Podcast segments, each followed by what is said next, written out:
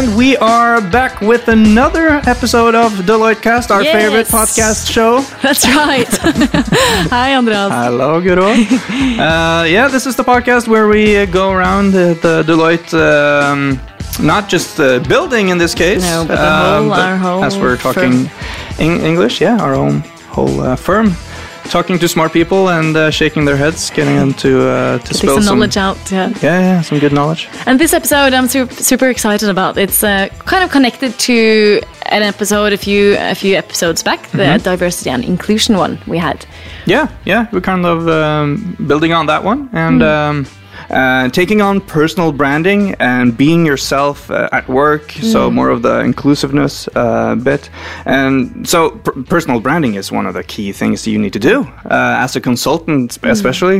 Uh, I don't know as an auditor if it's uh, as important as an auditor, but at least as a uh, consultant, Hmm. super important. And also for students uh, applying for jobs, you need to be confident and know not what are my strengths and what should I get known for. Yeah, yeah exactly. And um, you know, listening to people, successful people, maybe later in their careers, they say say things like, uh, "Oh, I was just at the right place at the right time," or "My career kind of just happened," or "I don't know how how I ended up here. I was uh, lucky. I worked hard," and blah blah blah.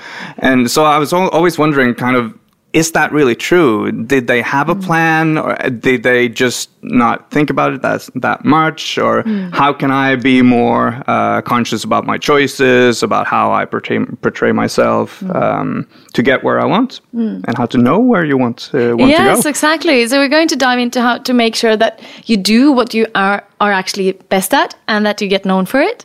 And as a second part, we want to then touch more upon the how to become the best version version of yourself at work and how can you make others feel comfortable enough to be their true themselves at, at the workplace. Absolutely. And uh, to find out these tough and important uh, questions. And uh, the very uh, attentive uh, li- uh, listener uh, already noticed that we're talking English once again uh, because we have an uh, esteemed guest from all the way from the UK. Uh, Sheree, welcome. Thank you, thank you. Uh, it's very good to have you here.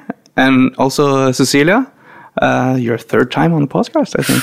Is it? Yes, I'm becoming a regular. Yeah, Uh, thank very you for nice. having me back. Um, you're going to be our new consulting uh, leader.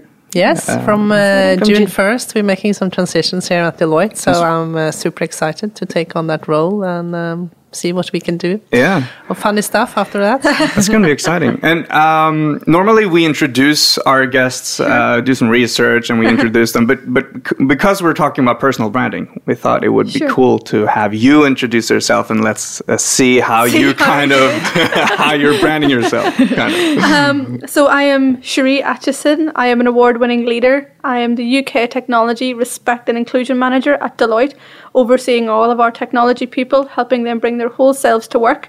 I am also a board-appointed global ambassador at the world's largest non-profit dedicated to women excelling in technology called Women Who Code. And I'm also a Forbes contributor. So I like to talk a lot about diversity and inclusion, which is I guess why is why I'm here. Very But nice. Your title is it's a very impressive title. Long. The tech respect. What does it actually mean? So let's, let's, does it mean? let's repeat it again. It's Deloitte UK Technology yes.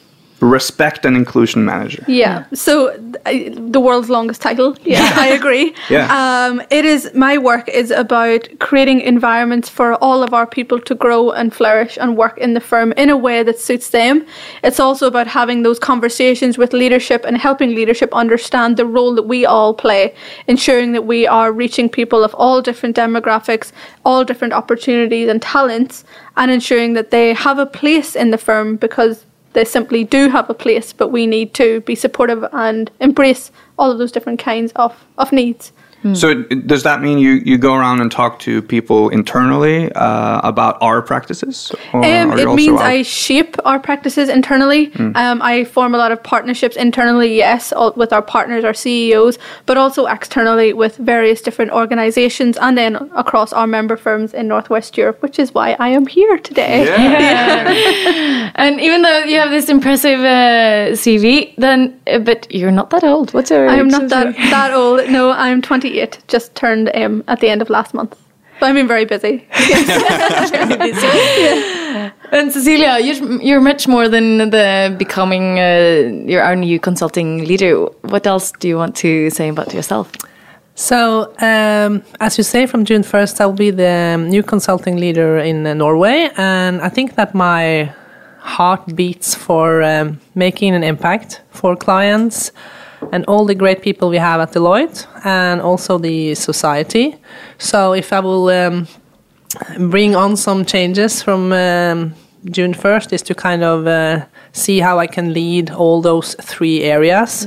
Because I truly feel that we are going into a new era.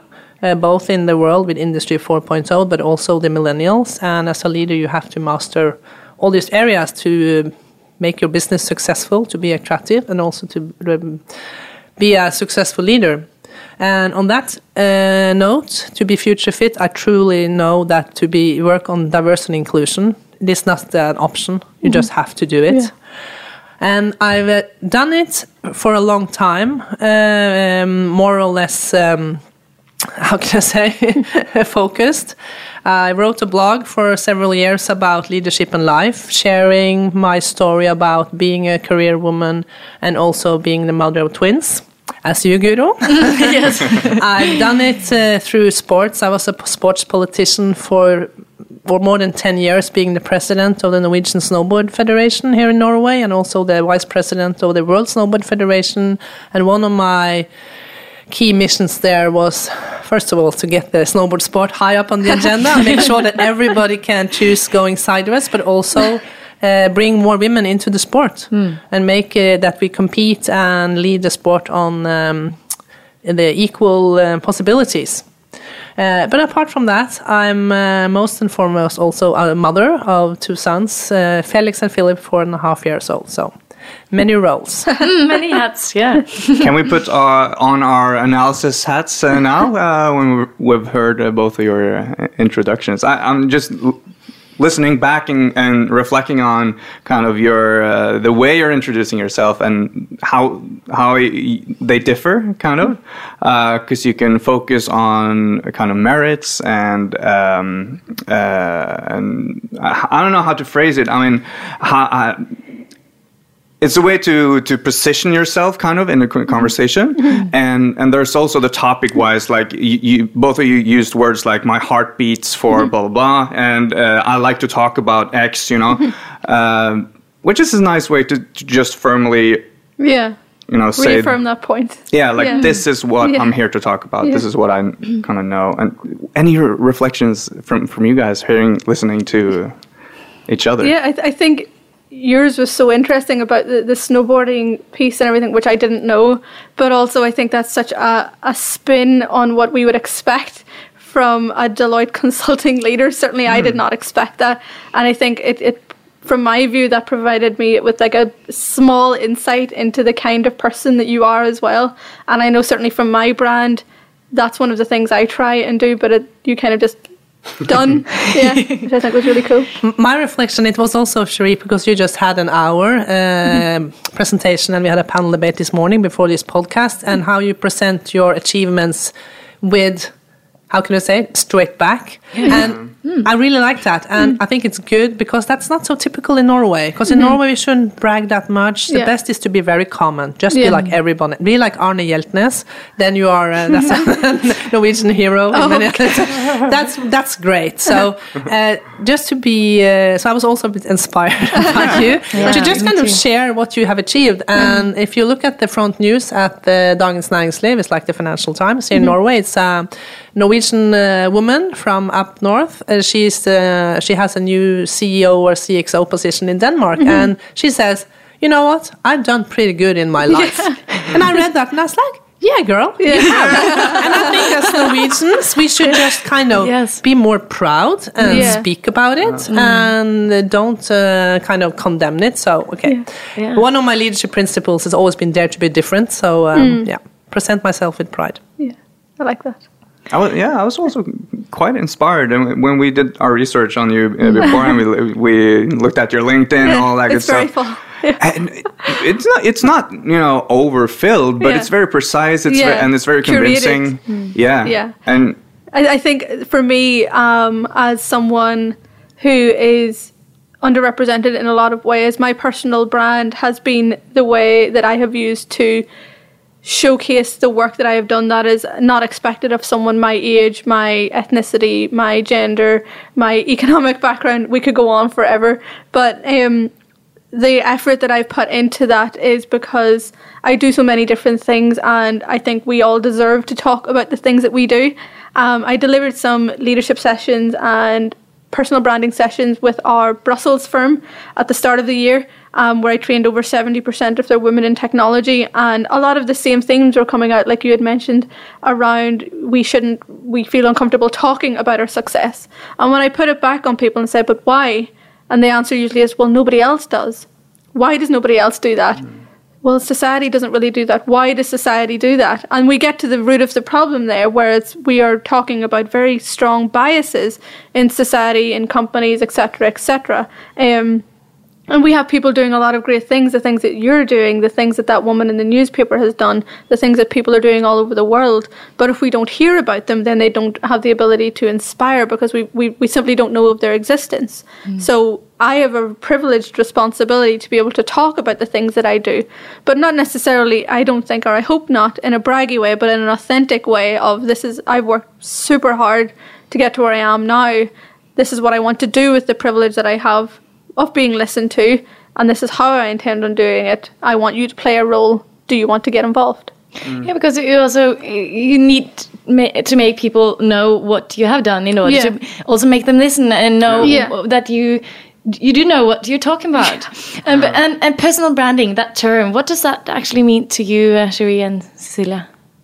Yeah, Cecilia. Um, I think that it's something to be personal. It's something that came along. I think I did personal branding before I actually quite knew I was doing personal branding because we all have a reputation, mm-hmm. a personal reputation.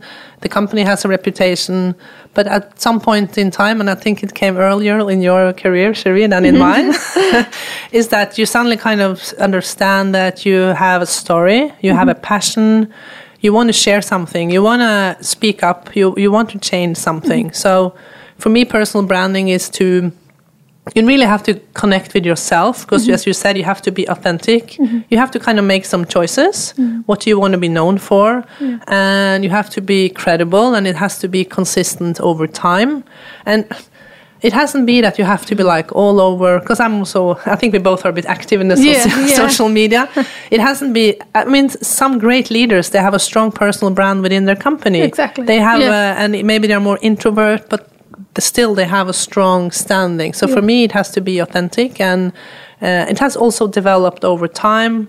For me, when I was the leader of the Snowboard Federation, my personal branding was very connected to the Snowboard mm-hmm. Federation. Mm-hmm. Everything in social media was about snowboarding. Mm. Then I moved in to become the leader of public sector in Norway, and I kind of I actually made an analysis. How do I present myself now? Mm-hmm. And mm-hmm. what topics do I want to own? And I kind of discussed with the marketing department. Now I go into a new role.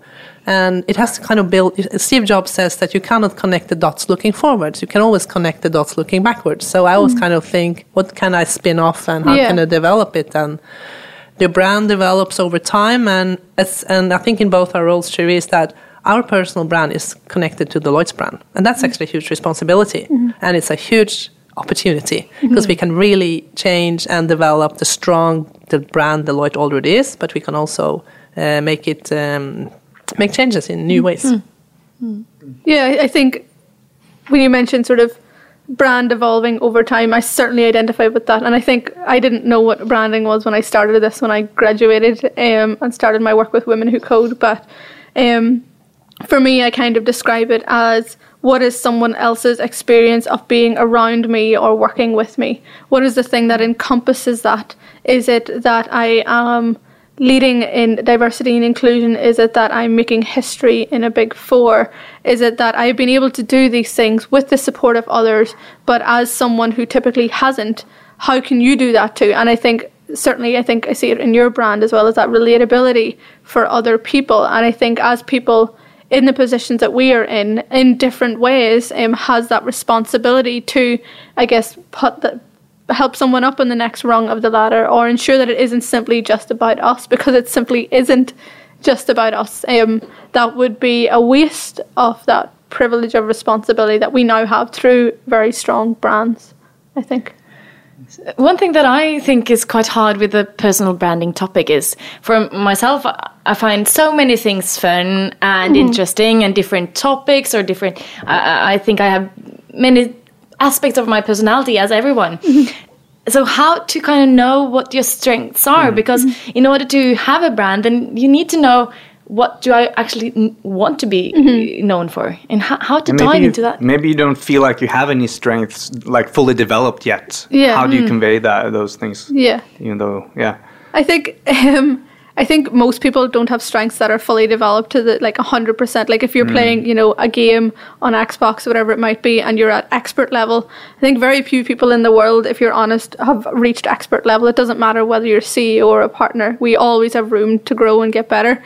Um, I think when it comes to understanding what your strengths are, I always suggest asking other people, but also sitting and writing it down. Um, a big part of the training I'm delivering in the afternoon on empowering yourself to empower others is spending the time to write things down on paper, not on a tablet, not on something that you backspace easily, but something that is physically in front of you. What are the things that I regularly hear I'm good at? What are the things that make me really, really happy? When do those two things overlap and intersect?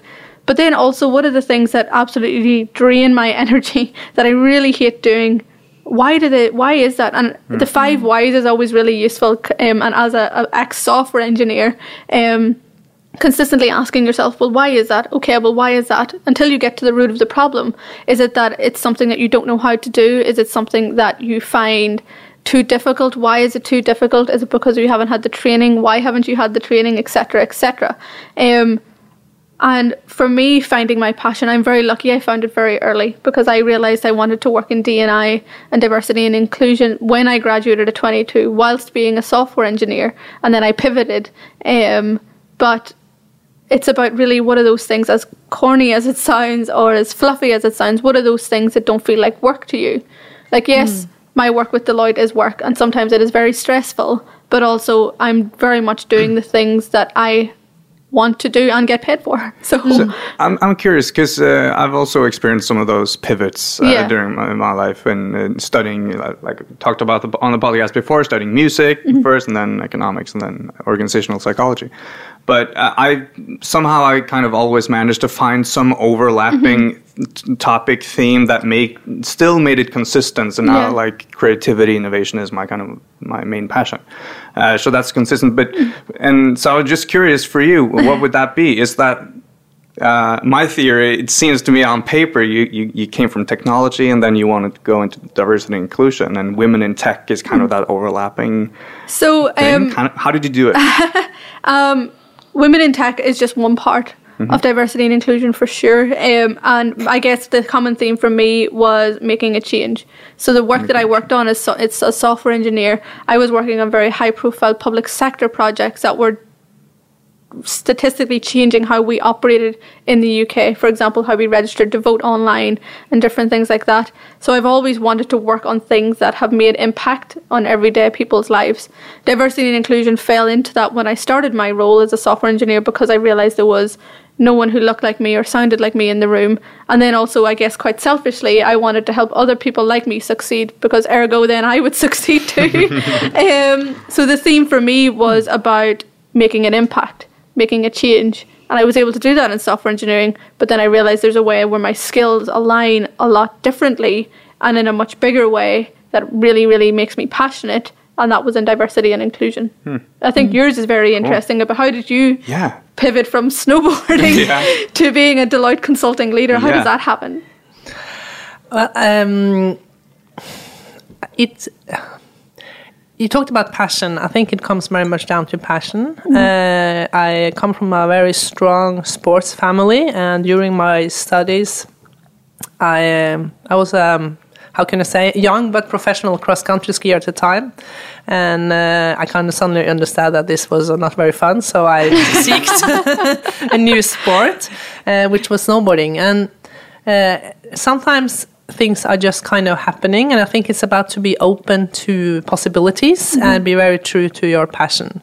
So during my work as the financial manager at the orthopedic center at uh, the University Hospital here in Oslo, the um, the doctor who was responsible for the national snowboard team, he was very often in my office, and we were always talking about snowboarding and uh, yeah, things we were passionate about. So. And it was actually, he said, well, shouldn't you just, I want to put your name to the election committee for the board. And I was like, what? And then I'm like, oh, yes, of course. So I think that one of the things that's, How old were you at that time, Cecilia? uh, 25, 26. Yeah. So, so uh, I think it's very much down to saying yes Yeah. and just kind of see what happens.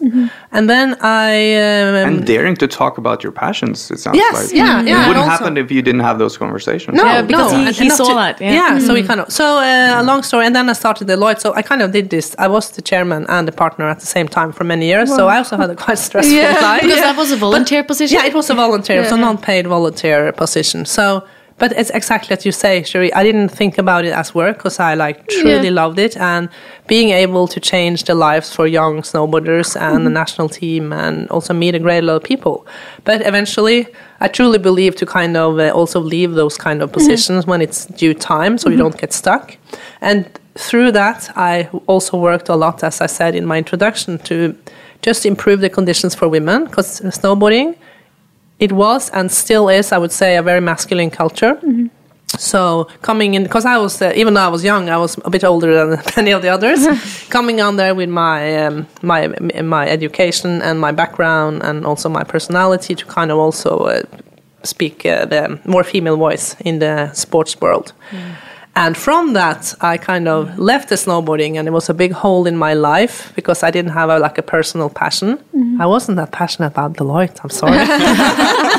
I was very passionate about diversity, so I mm-hmm. started my blog. And I think for me, the t- big turning point came when I realized that I could actually, uh, together with some other women here in Deloitte, start the Women at Deloitte initiative, mm-hmm. which eventually became the diversity inclusion. So that kind of over the last five mm. years, my life has kind of melted mm-hmm. into Deloitte, and it mm. feels so fantastic and so mm-hmm. great. And it's kind of also built my CV so that I am.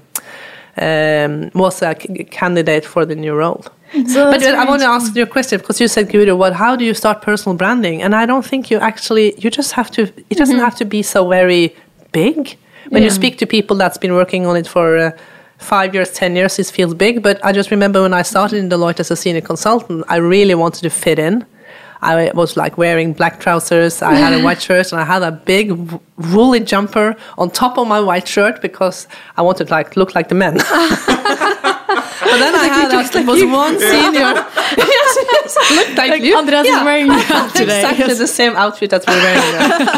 And, and more traditional colors. Uh, and then I had it was one senior manager at the firm, uh, Trina, and she had this. I don't know, really confident, feminine style. she challenged everything, and for me, she was a really big role model. And um, I don't know, working with her kind of made me throw off a few things. And I kind of, how can I be a role model? Mm. And by mm. just doing these small things, my personal branding evolved. Mm-hmm. Mm-hmm. Yeah, I, I, I've- I think I recognize myself here because I, mm. I also I came from the startup community from a mm-hmm. technology background, but mostly uh, startup, having my own startup, and then diving into Deloitte. I also tried to, so hard to fit in now for two years, and also wearing black all the time and, and trying to be uh, Yeah. similar to everyone else. And now you are my role model today, Cecilia, yeah. because we are working on the Yeah. same project, and today I'm working at. Wearing Nice. a, a red blouse, but, but of course, Step- So in the end, it's all about clothes. no, of course not. But I think it's maybe it's about um, I think there's there's a point there it. about being comfortable enough to do and be how you want to be. And I certainly because I like I have a hair like half of my head shaved and um I don't look like most of the people in Deloitte when I walk like I walk into the office and I wear quite bright clothes and bright makeup and I walk in in the elevator everybody's in a navy suit and looks very angry getting to work at eight o'clock or half eight in the morning um, but there's a point there where I am confident and comfortable enough to be that person to wear a bright red suit into work, which I do, or a bright green suit, or whatever it is that I want to wear that is assertive in my way and confident confident for me. But it's it's again that point of I'm probably the only person or one of the only people doing that. But I am lucky enough to have that confidence to do so. But then it means, like you've mentioned, so Celia is doing things now that are inspiring you. You're likely doing things that are inspiring someone else, that person, vice versa, and so on and so forth. So we have a huge role in doing those small things that might seem quite so small to me and you now, Celia, because we've been doing this so long, but are very big things to someone who's just starting out. So yeah, and of course this topic is much bigger than clothes, and we have had Yeah, an, a, a different episode actually on on clothes uh, and coding. Uh, but uh, But if I just comment on Yeah. that, because I agree, and again in the small things, because mm-hmm. another things that I'm doing, kind of mm-hmm. sharing all the things I'm thinking about, is to mm-hmm. really, really create an inclusive culture, and it starts when you enter the the first floor in the morning. Do you say good morning to everybody in the elevator? I have like a long list of things that I talk about the weather, I talk about the book they have in their hand, I talk about uh, what project are you on, just to kind of create that um, kind of atmosphere. I talked to the the chef uh, and thank you for the great vegetarian meal you served yesterday. So just kind of being an open and inclusive person, which is I'm trying to make also that a personal brand and also a Deloitte brand. But do you have to be an extrovert to do all that? It sounds tiring if you're like a not very outgoing person. Uh, I think it can be tiring. I think um, diversity and inclusion work as a whole is a very emotionally charged piece and role, and there are times where it. I always say, who watches the Watchmen? Who remembers about the people that are leading in this space to ask them, "How are you?" I spend a lot of time with a lot of people, helping, etc., etc. It's very rare when I go into a room, people say to me, "Sheree, how are you keeping? Are you okay?" because it's expected that I'm fine. Um, doing that kind of work is certainly it can be draining. I when I was growing up, I was very introverted. I was bullied a lot. I was very quiet and again very different. I grew up in rural Ireland where the only other person of color I knew until I was about 13 or so was my brother who was also adopted from Sri Lanka. so there wasn't very many people like me. So I was very used to being quiet and being not heard. And then um I kind of got to a point near the end of secondary school where I, I kind of had this light bulb moment where I realized I had no one that I could really talk to in school because I'd never really pushed that boundary. And then I started just having more conversations with people, sitting with people that I never really knew before, and created these amazing friendships that I still have today. Mm-hmm. But it is one of those things where we, when you become more confident or extroverted, whatever that might be, mm-hmm. That opens that up for you. But then, how do we, as a firm or as leaders, ensure that people that are introverted also have an environment where they feel comfortable enough to do this in a way that suits them? Now, I think we certainly in Deloitte have a have a lot of work to do, ensuring that we are making it comfortable for everyone, not just those that have the traits that we maybe have now.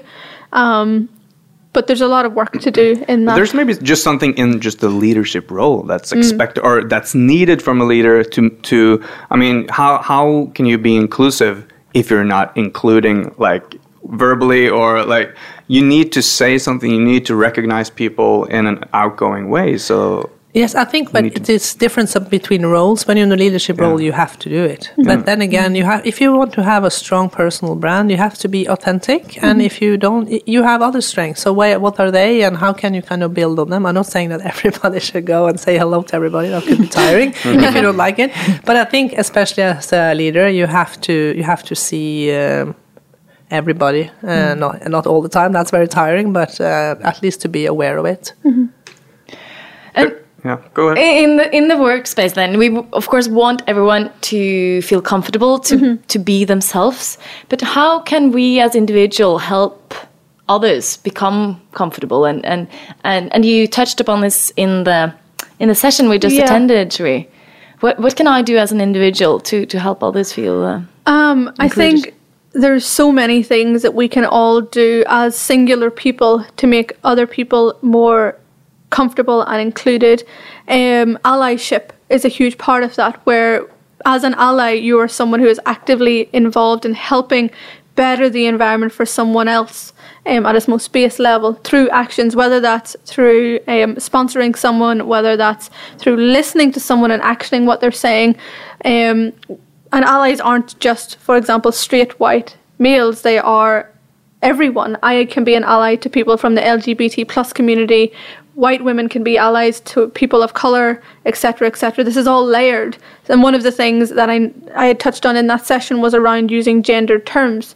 Um, so I am married. I have a partner who I could refer to as my husband, but I refer to him as my partner because that makes it more comfortable for members of the LGBT plus community to talk to me about their partner, whether that's in social circles, in work. There is no difference. I use that term all of the time. My partner also uses it as well.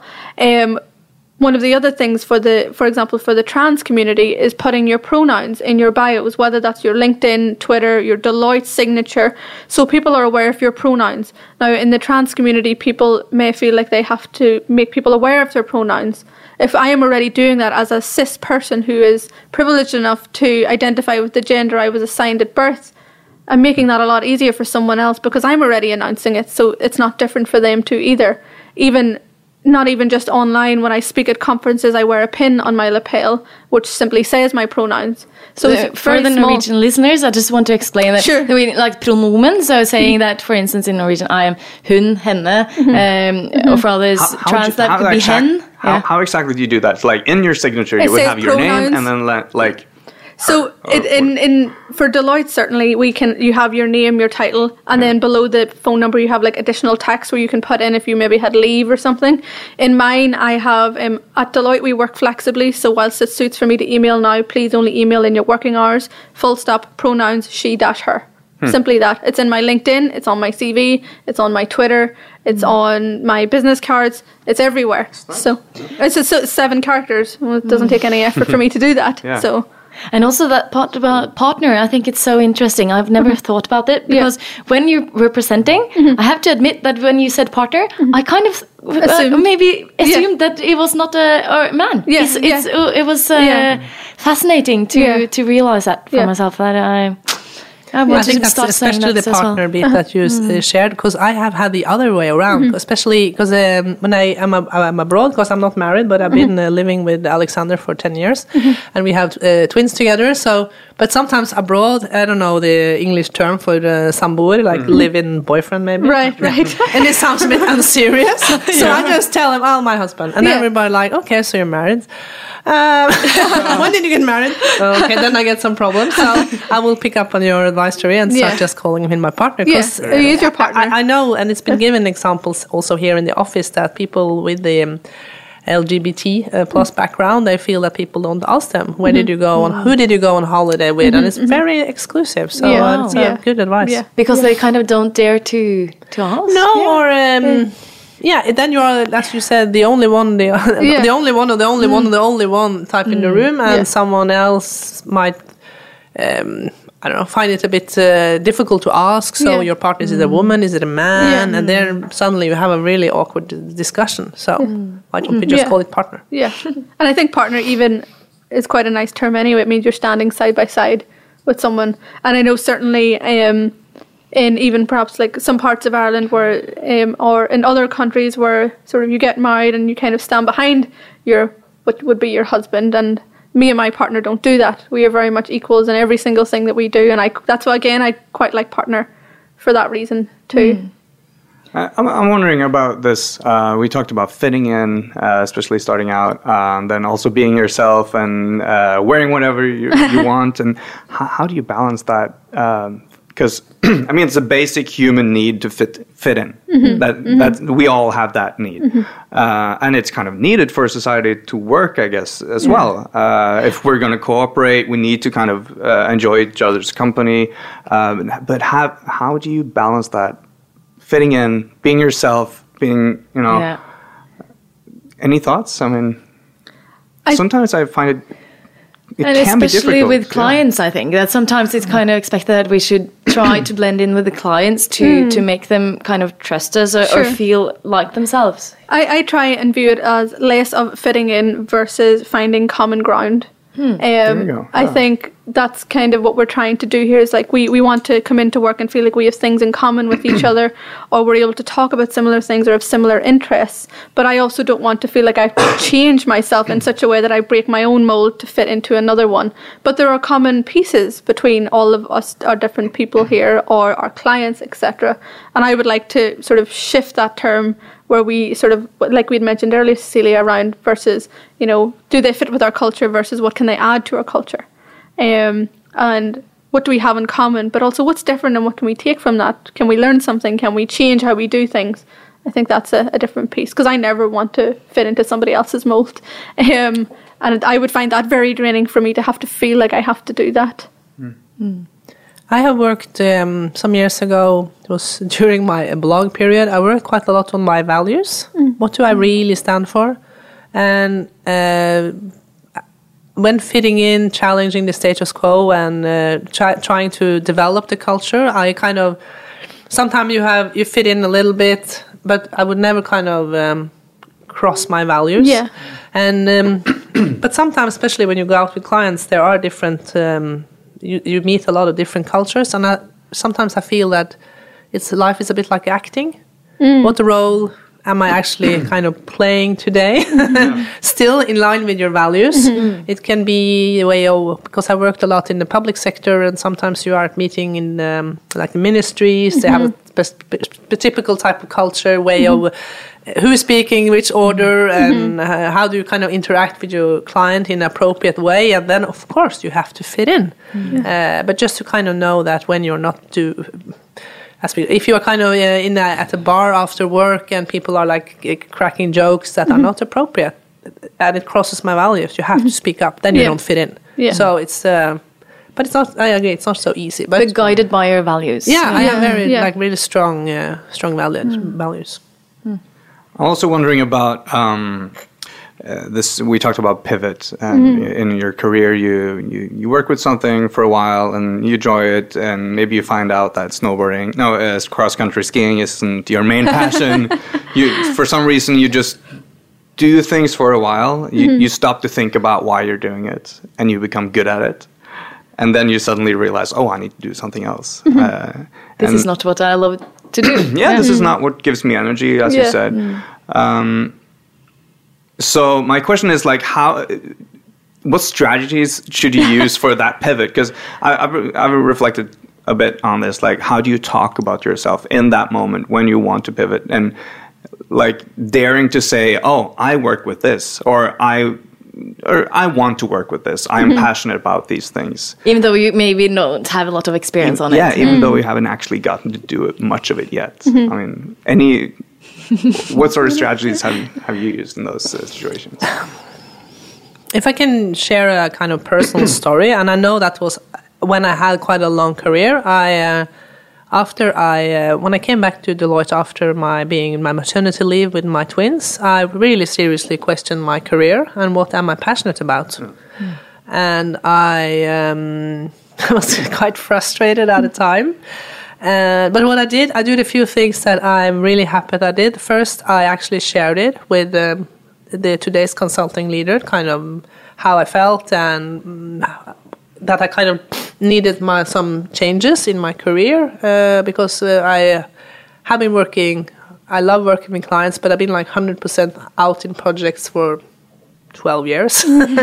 so I kind of sorry, I felt that there was a need for a change in my career. So that was one thing uh, that I really was open, and he saw me and he gave me some new possibilities that really kind of was like really career changing. Mm. And um, the other thing was that I also had an external coach outside Deloitte where I mm. could really also bring up some of the more difficult topics that I wasn't maybe comfortable to mm. bring up in here. So I used actually quite a lot of time, one year, to kind of decide what do I want to do in my career, my work life and because I think sometimes if you if you want to do a change, you get um, frustrated and you just do the change. Yeah. I used uh, one year, and of course, I as you know, I'm here. I decided to stay, and, but that was maybe the most important career-wise, the most important I've done in my life, and just being open about it open some possibilities. and talking with someone to Yes. to have a coach that you can talk to and uh, everyone in Deloitte has a has Yeah. a coach but having a, a- an external friend or coach could be mm-hmm. maybe a good idea too. or- A mentor, yeah. Mm-hmm. Mm. Yeah, I think certainly around because I, I started my career as a software engineer, then I pivoted into business analysis, and then mm. now finally have hmm. D&I as my paid job. So I've been doing my Women Who Code work is all volunteer work, and I've been doing that since I graduated. And it got to the point where me where with me where I realized I'm doing all of this very technical work, but I'm anybody can do this. I'm not happy with it, but not everybody can do this other work that I'm doing globally. How do I marry up the two? So I had to sit down and sort of physically write down what are the things that I'm doing in both roles that kind of lend to where I want to go, which is now as the tech or an I manager, and then my next role. Um, and that that for me was very difficult because I had to spend the time in understanding, I guess, what maps over and what do I need to develop to do that role in the best way that I want to do it. But I guess, like you've said, that that open and transparency was my big key there. Where whenever I, and again, I'm very privileged that I had when I officially became the tech R&I manager in Deloitte. Um, I already had five years experience doing D&I work globally, so I had my sort of scars on my back, I guess, if you want. Um, but there was still that point where I said to people, yeah, well, I have a computer science degree. My background is not HR. I don't want it to be HR. I chose my background because at the time that's what I was very passionate about. And I certainly believe that that gives me a lot of credibility and understanding, not just what the tech industry, but what consulting needs because I've been in it. Um, I've, I've lived the things that I see need to change and get better, but I've also seen the things that work really well alongside doing all of that leadership with big companies. So it was about being really honest with myself, but then also honest and transparent with the people that I was going to be leading um, in the future. And then designing your life. Yeah, Yeah, exactly. Yeah, And there's something common here in just volunteer work, yeah. Oh, yeah, yeah, yeah. wh- which is like highly passion driven. Yeah. Um, But then managing to merge the two, the volunteer Yeah. work Yeah. with the Yeah. with job. Yeah, for me that was kind of the key when I really, really managed to do that. And also, I have to say, uh, over the last five years, Deloitte has developed so much globally. There's just so much going on, and we have also uh, invested in the digital. We are we are more a Nordic firm. We are more a northwest or north south Europe firm. We are like constantly changing. is changing. that with, official yet? oh, we'll see. Well, so- Yeah, I think it's um, will be very soon. so uh, so um, yeah, to really, but to to find passion, you have to be open for passion. Mm. So sometimes you're mm. frustrated, you're not open, and you have to use time and as we told, like power friends and mm. coaches to uh, to open up your mind Yeah, and know see- your strengths. Yeah, I just some final reflections because um, yeah, that's that's something you see in some people, especially maybe early when you haven't kind of understood, especially how consulting works and networking, and Yeah. you know this personal brand topic is so important because the best way to get on in interesting projects for you is for people to know what you find interesting. Mm. Yeah, exactly. Yes, first uh, step. yeah. So just sharing that and mm. asking other people, wh- Yeah. what do you want to be known for? What What's your dream project? I, I Yeah. try to ask that from new uh, new colleagues. Like, Yeah. what's your dream project? So Yeah. if I happen to be in the loop for a project, I'll think of that person. Yes, and that just a very quick note on that. Uh, that's why I really like love all the new um, new um, uh, colleagues that we get straight out of university. And I had a talk with one of here, uh, one of here, and he said to me, "Well, why do you lead the public sector? Why? Yeah. What do you really want to achieve?" And I was just like, "Oops, that's a tough question." well, I want to um, change the welfare state of Norway. Yeah. Yeah. and uh, we had a really good discussion. So. Yeah. It's Cool. important for young people to also ask, ask us or more senior people that question. Why do you really do what Yeah. you do? Yeah. That's really good. What a what a way to end. Yeah. Yes, this was a very interesting uh, talk. We have Yeah. talked about so much. We talked about finding out what makes you happy and finding out what you're good at and mer- merging those. Fitting in versus finding a common ground. I think was a um, thing I want to to live. Yeah. Yeah, moving forward. Yeah. And oh, I, I, I, I noted a few things, but one thing I have a line under, and it says, um, "What's the experience being around me?" That's what something you said. I Which is like, hopefully a positive thing. Yeah. and what do you want people to have as Yeah. an experience? exactly Yeah. have a, a conscious choice about Yeah. that. Mm. Yeah. Super important. That's something Yeah. I'm going to take away from this. And this. think about our, our language also having an inclusive language. I think is important making this culture inclusive for everyone, making making all of our workers feel um, feel like themselves at work. One thing I'm going to do personally is that we are going to celebrate Eid, Ramadan, and an Indian holiday this year because Nice. I just Oh. realized when one of our Indian uh, colleagues said Happy Holi, and like, Oh, yes. oh wow, we have never celebrated or decorated Yeah. the office for Oh, any should do that, other yeah. Uh, celebration or holiday idea. than the Norwegian ones. Right, so yeah.